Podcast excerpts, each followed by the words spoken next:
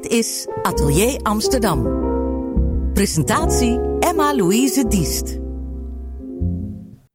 Ja, we zijn vandaag aanwezig in het Internationaal Theater Amsterdam. We gaan ons verdiepen in het leven van Sigmund Freud. Het is een stuk wat ooit is geschreven door Sartre. Dat is een filmscript, goed voor maar liefst een zeven uur durende film. En de filmregisseur John Huston was het daar niet helemaal mee eens. Hij heeft het ingekort tot twee uur, helemaal tegen de zin van uh, Sartre. Maar nu gaat regisseur Ivo van Hoven dit filmscript vertalen naar het toneel voor het eerst. Bijzondere prestatie, maar dat doet hij niet alleen. En ik ga vandaag in gesprek met Ilko Paddenburg, actrice bij Toneelgroep Amsterdam. Nog niet zo lang. Het is je eerste stuk wat je hier speelt. Is dat voor jou een uitdaging en hoe zie je dat? Hoe is dat voor jou? Ja, dat is natuurlijk een uitdaging. Vooral omdat ik hier net nieuw ben begonnen. Dus voor mij is alles nog uh, als op het schoolplein van vroeger.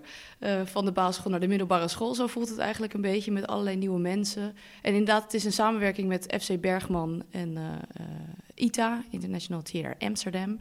Um, ja, dat is natuurlijk ontzettend spannend. En FC Bergman heeft de, de bewerking gemaakt. Dus eigenlijk uh, het, inderdaad wat je zei, het zeven uur durende uh, filmscript vertaald en bewerkt. tot deze versie die wij op toneel gaan brengen. Het is gewoon onwijs spannend met de allemaal bakbeesten van acteurs. Het zijn niet de minste namen die, er, die erin zitten. Dus nee, ja ik, ik, ja, ik stel als een kind in een schatkamer. ja, ja, voelt dat echt zo? Want je zegt hij heeft bakbeesten aan acteurs. Het zijn mensen met heel veel ervaring en zijn ook goed op elkaar ingespeeld, kan ik me zo voorstellen. Um, voelde dat echt dat je ergens in moest stappen? Of hoe werd je ontvangen ook? Um, nee, eigenlijk is iedereen super lief en heel, heel welkom. En uh, nee, ik ben echt heel hoffelijk uh, ontvangen in die zin. Maar voor mij is het natuurlijk wel spannend dat ik op de toneelschool zat en deze mensen ook al op het toneel heb gezien.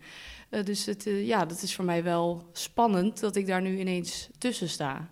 Dat is natuurlijk ja, heel leuk. Ja. Voordat we dit stuk induiken, misschien wel even leuk om te kijken. Hoe was het voor jou om die eerste werkdag, om voor het eerst met deze acteurs te gaan werken? Uh, ja, met uh, klassiek slecht slapen uh, van tevoren en uh, extra op tijd zijn en weten waar je moet zijn. Nou ja, dat soort brave dingen. Maar voor de rest lijkt het natuurlijk wel. Ik doe ook al een tijdje mee. Dus hiervoor heb ik bij uh, Theater Utrecht gespeeld en Oostpol en bij Kees en Co. Dus ik ken wel de eerste dagen en de eerste werkweken. Dus eigenlijk lijkt dat er natuurlijk heel erg op. Alleen zitten er dan andere mensen in de ruimte. Of zijn er andere mensen in de ruimte? Ja, het blijft natuurlijk even aftasten en je, je plek veroveren.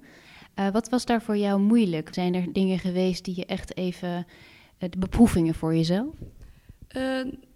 Nee, dat heb ik toch niet echt uh, ervaren. Het, voelde niet als een ontgroening en een plek veroveren. Volgens mij moet je je plek gewoon langzaam, hoeft dat niet uh, in, in één project uh, gedaan. Het ligt ook aan welke rol je hebt. Ik bedoel, het stuk gaat ook over Freud. Dus in die zin zal het veel over Stef Aert gaan, die de rol van Freud speelt. Ehm, ja, dus in die zin hoef ik niet nu in één keer mijn, mijn plek te veroveren je noemt dus nu even al uh, Stef Aarts. Uh, jij bent de, je speelt de vrouw van Freud, dus uh, de vrouw van hem. Hij maakt een hele ontwikkeling door. Of hij ontdekt natuurlijk ook de psychoanalyse. Een vrij grote rol, een moeilijke rol. Maar die van jou is ook niet mis natuurlijk, als vrouw, Marta. Hoe is het voor jou om die rol vorm te geven? Want als, je bent ook een soort steun van hem natuurlijk, ook voor zijn rol. Hoe heb je dat gezien en hoe heb je dat aangepakt? Nou, als ik eerlijk ben, moest ik wel even wennen aan... Het speelt zich af in 1900 in Wenen. Uh, ja, het sterke patriarchaal uh, uh, klimaat eigenlijk. dus daarin zijn de vrouwen natuurlijk veel meer ondergeschikt. Het was, ja, je, je, rol was niet meer dan een steun en toeverlaat zijn van de man... Uh, ja, je moest uitblinken in het uh, jezelf wegcijferen, zeg maar. Uh, ja, dus ik denk dat het gaat over een enorme toewijding en ja, bereidheid vanuit de vrouw. Dus ik heb me daar eerst nog wel even kwaad over gemaakt, over die hele periode. En ook daarvan schrikken hoe kort dat eigenlijk pas geleden is. En dat betekent ook hoe ja, kort wij vrouwen, even zo gezegd uh, pas meedoen aan het grote verhaal. Uh, dus dat eigenlijk. Dus ja, ik heet wel Marta Freud, maar ergens had ik ook een andere naam kunnen hebben. Volgens mij was ik gewoon, blonk ik uit in vrouw zijn. Heb ik gewoon mijn taak. Ik, ik heb veel gelezen, ook veel uh, over Freud. En daarin kwam ook het beeld van Marta naar voren dat ze echt uitblonk in, in, in ja, huiselijkheid en in warmte. En dus zij heeft volgens mij het vrouw zijn echt met verven ja, in die tijd heeft ze daar echt met uh, een 10 plus op haar uh, diploma. Ja, je kunt vrij weinig narigheid van haar vinden als je op zoek gaat. vrij weinig randjes. En soms is het juist wel fijn om zo'n randje te, te, vinden als je een personage je eigen moet maken. Wat was voor jou belangrijk aan deze rol om dat personage vorm te geven?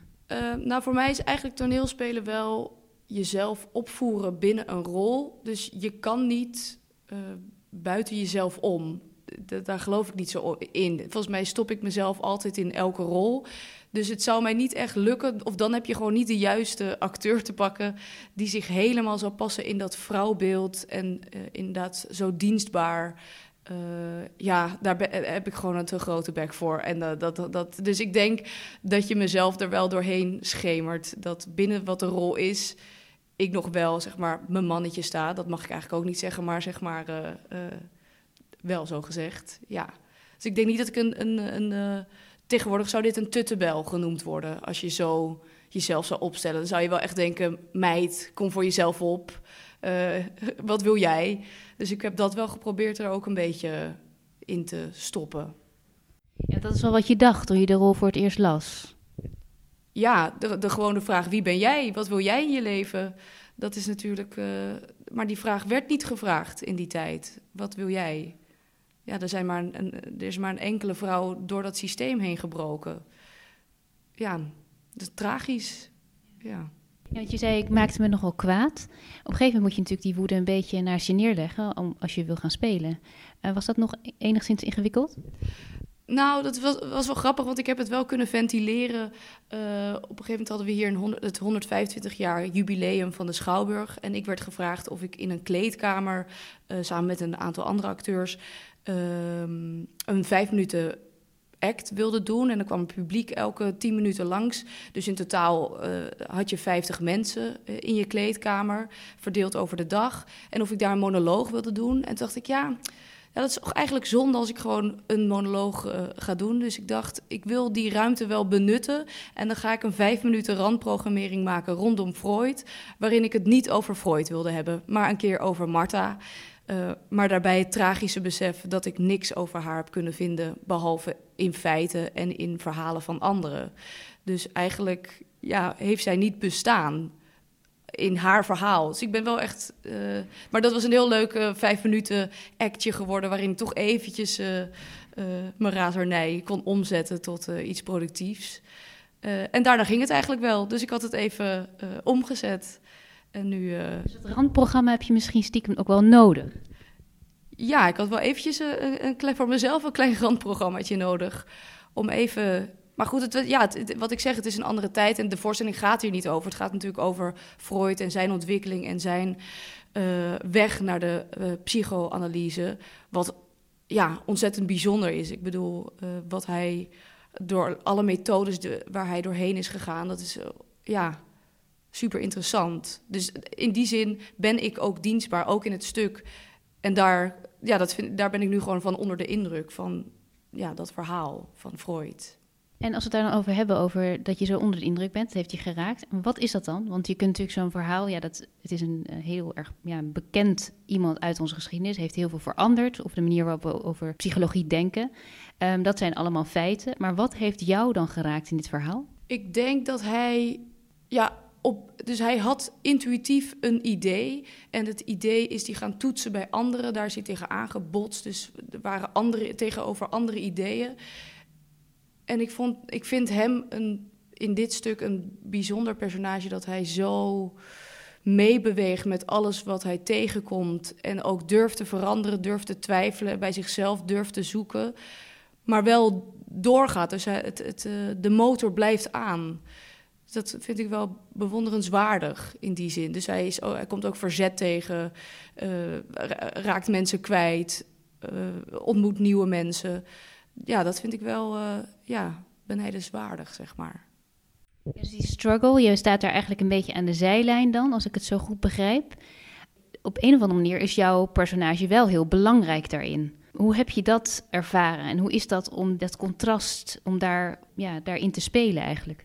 Nou, dus eigenlijk wat ik nu zeg vanuit mezelf, dit, dit wat uh, Freud meemaakt, dat moedig ik ook wel aan. En eigenlijk, ja, mijn personage moedigt dat ook aan. Zijn, zijn struggle en zijn doorzettingsvermogen en zijn vertrouwen in zichzelf. Dat ben ik eigenlijk aan het voeden. Ik geef hem vertrouwen.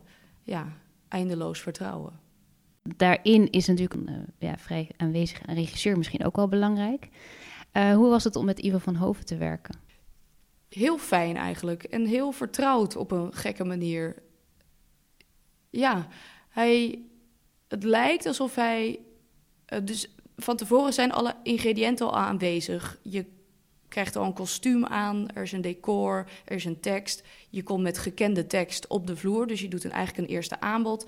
En het voelt alsof hij in de ruimte met jou aan het uh, ja, 3D-knutselen is. Dus het ontstaat al voor zijn ogen, waardoor het voor ons eigenlijk ook heel zichtbaar is. Langzaam ontstaat het stuk voor ons allemaal. Dus ik vond dat heel uh, prettig. En hij is gewoon supergoed voorbereid, weet waar hij het over heeft, heeft ook bakkenervaring. Uh, dus ik voelde mij heel vertrouwd eigenlijk uh, ja, onder deze regie. Gewoon echt een vakman, zoals je dat... Ja, het klinkt wel alsof er heel veel krachten aanwezig zijn. Dat, uh, omdat je zegt, hij is echt aan het boetseren en je komt, met een je komt al met heel veel materiaal en dan gaat hij langzamerhand bouwen. Ja, dat is eigenlijk wat er gebeurt. De hele ruimte is ook gevuld met allerlei mensen die uh, zeg maar ziender ogen zie je resultaat. Dus er is al iemand uh, sounddesign aan het doen. ondertussen komen er weer extra requisieten bij omdat het nodig is. Dus de hele kant, zeg maar alle krachten zijn op hetzelfde moment aanwezig. Beetje alsof je een film aan het monteren bent. Daar komen ook altijd alle, voor een scène moet iedereen paraat staan om die scène al een beetje tot leven te brengen. En dat gebeurt eigenlijk in deze repetitieruimte ook. Ja, ja, ik heb vaak meegemaakt dat er in een ruimte nog niet zoveel is. Als je eh, met een tafel, nou die tafel is er nog niet, dan mimen we dat wel even. Oh, je krijgt later een kostuum, dat is er nu nog niet. Nou, doe maar even alsof. Uh, daar zie je geen sprake van. Om je heen bestaat het al. Dus het is wel fijn om met z'n allen dan al heel erg geholpen te worden in het geloven erin. Het bestaat eigenlijk al een beetje.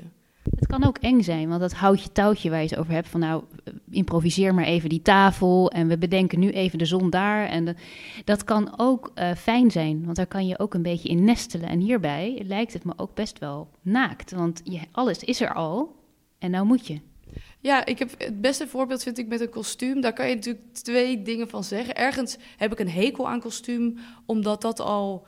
Uh, dus hier krijg je meteen een kostuum aan en denk ik, oh, dit ben ik al dus hier moet ik in gaan groeien, hier moet ik naartoe bewegen. Dat is ook heel lullig, want dan sta je al in een kostuum en zelf loop je achter. Dus je draagt al pretentie, maar je maakt het nog niet waar. Dat voelt heel raar eraan, maar tegelijkertijd word je ook wel een eindje op weg geholpen. Dus het is dubbel. Het is ook fijn om te weten waar je dan naartoe aan het bewegen bent. Maar je kan ook de andere methode kiezen en denken: ik ga eens kijken en alles uitproberen. En ik ben uitgekomen bij dit kostuum. Dat zijn natuurlijk gewoon verschillende werkwijzes. Ja, het startpunt is misschien anders. Ja, ja, dat denk ik ook. En dus dan tegelijkertijd ook het eindpunt, denk ik. Het zijn gewoon verschillende methodes. En de een niet beter dan de ander. De een werkt gewoon beter voor de ander, denk ik. je zegt even eindpunt, uh, dat is nogal definitief. Is hoe voelt dat echt zo, dat je ergens naartoe werkt? Of blijft het zich ontwikkelen? Ja, tuurlijk. ja, ja dat, dat blijft zich natuurlijk ontwikkelen. Dat is en we, we, zitten natuurlijk nu ook in de laatste week, dus ik ben ook nog, we hebben net twee dagen vrij gehad. Ik ga zo weer uh, naar de montage terug. Dus ik ben ook benieuwd. Ik heb natuurlijk nog niet eerder meegemaakt wat er nu gaat gebeuren. Ik, kan, ik hoor ook verhalen van na de twee dagen vrij, dan kan er nog van alles omgegooid worden en uh, dat hele stuk eruit en toch niet dat. En dat hele kostuum toch veranderd.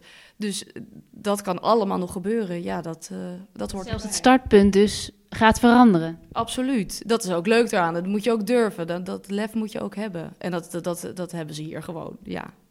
Heb je dat lef nog meer kunnen ontwikkelen hier? Heb je dat idee?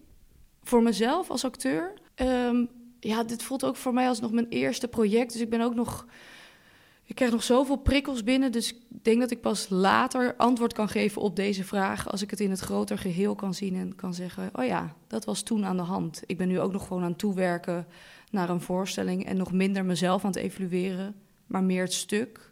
Dus dat weet ik eigenlijk nog niet. Het is ook heel moeilijk natuurlijk als je nog midden in het proces zit om daar al iets over te zeggen. Dus ik vraag eigenlijk het onmogelijke aan je.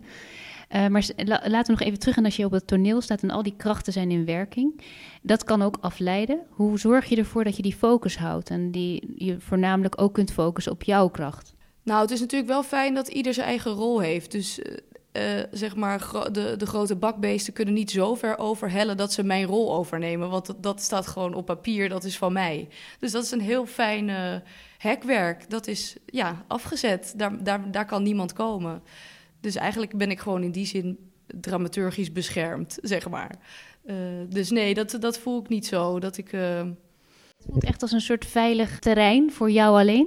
Ja, dat is van mij. Dat, ja, als het moment komt dat ik moet, dan moet ik. Er gaat niemand uh, daarvoor in de plaats. Dat is ook natuurlijk doodeng. Maar ja, Zie je dat als een soort, eerst wat begint als een soort lege ruimte wat je zelf in gaat richten, naarmate het repetitieproces vordert? Ja, ik vind, ja, je krijgt eigenlijk een kleurplaat, wat, wat uh, al, alle lijnen zijn al uitgezet, uh, wat de woorden op papier zijn. En je zit, je, bent, je zit ook in een dramaturgie, dus jouw personage heeft ook een betekenis en een functie en ook op welk moment in het stuk het dan plaatsvindt. Uh, dus uiteindelijk ja, voelt het er toch een beetje als een kleurplaat. En is het aan mij en aan de acteur wie daarvoor vraagt... met wat voor uh, ja, gerijen het gaat inkleuren. Met stift, met potlood en waskrijt. Ja, ecoline, ook leuk. Ik wil net zeggen, volgens mij, het klinkt wel een beetje alsof je er ook nog kleine tekeningetjes in maakt in, in, dat, in die kleurplaat. En niet alleen inkleurt. Als je nu je ogen dicht zou doen en je denkt aan die rol, aan die ruimte, hoe ziet dat er dan uit? Oeh, echt aan mijn rol? Dus echt. Uh... Oeh, goede vraag, goede vraag. Heb ik daar meteen een leuk antwoord op? Ja, ja, het zou echt leuk zijn, maar ik, nee, er schiet me nu niks te binnen. Wat voel je?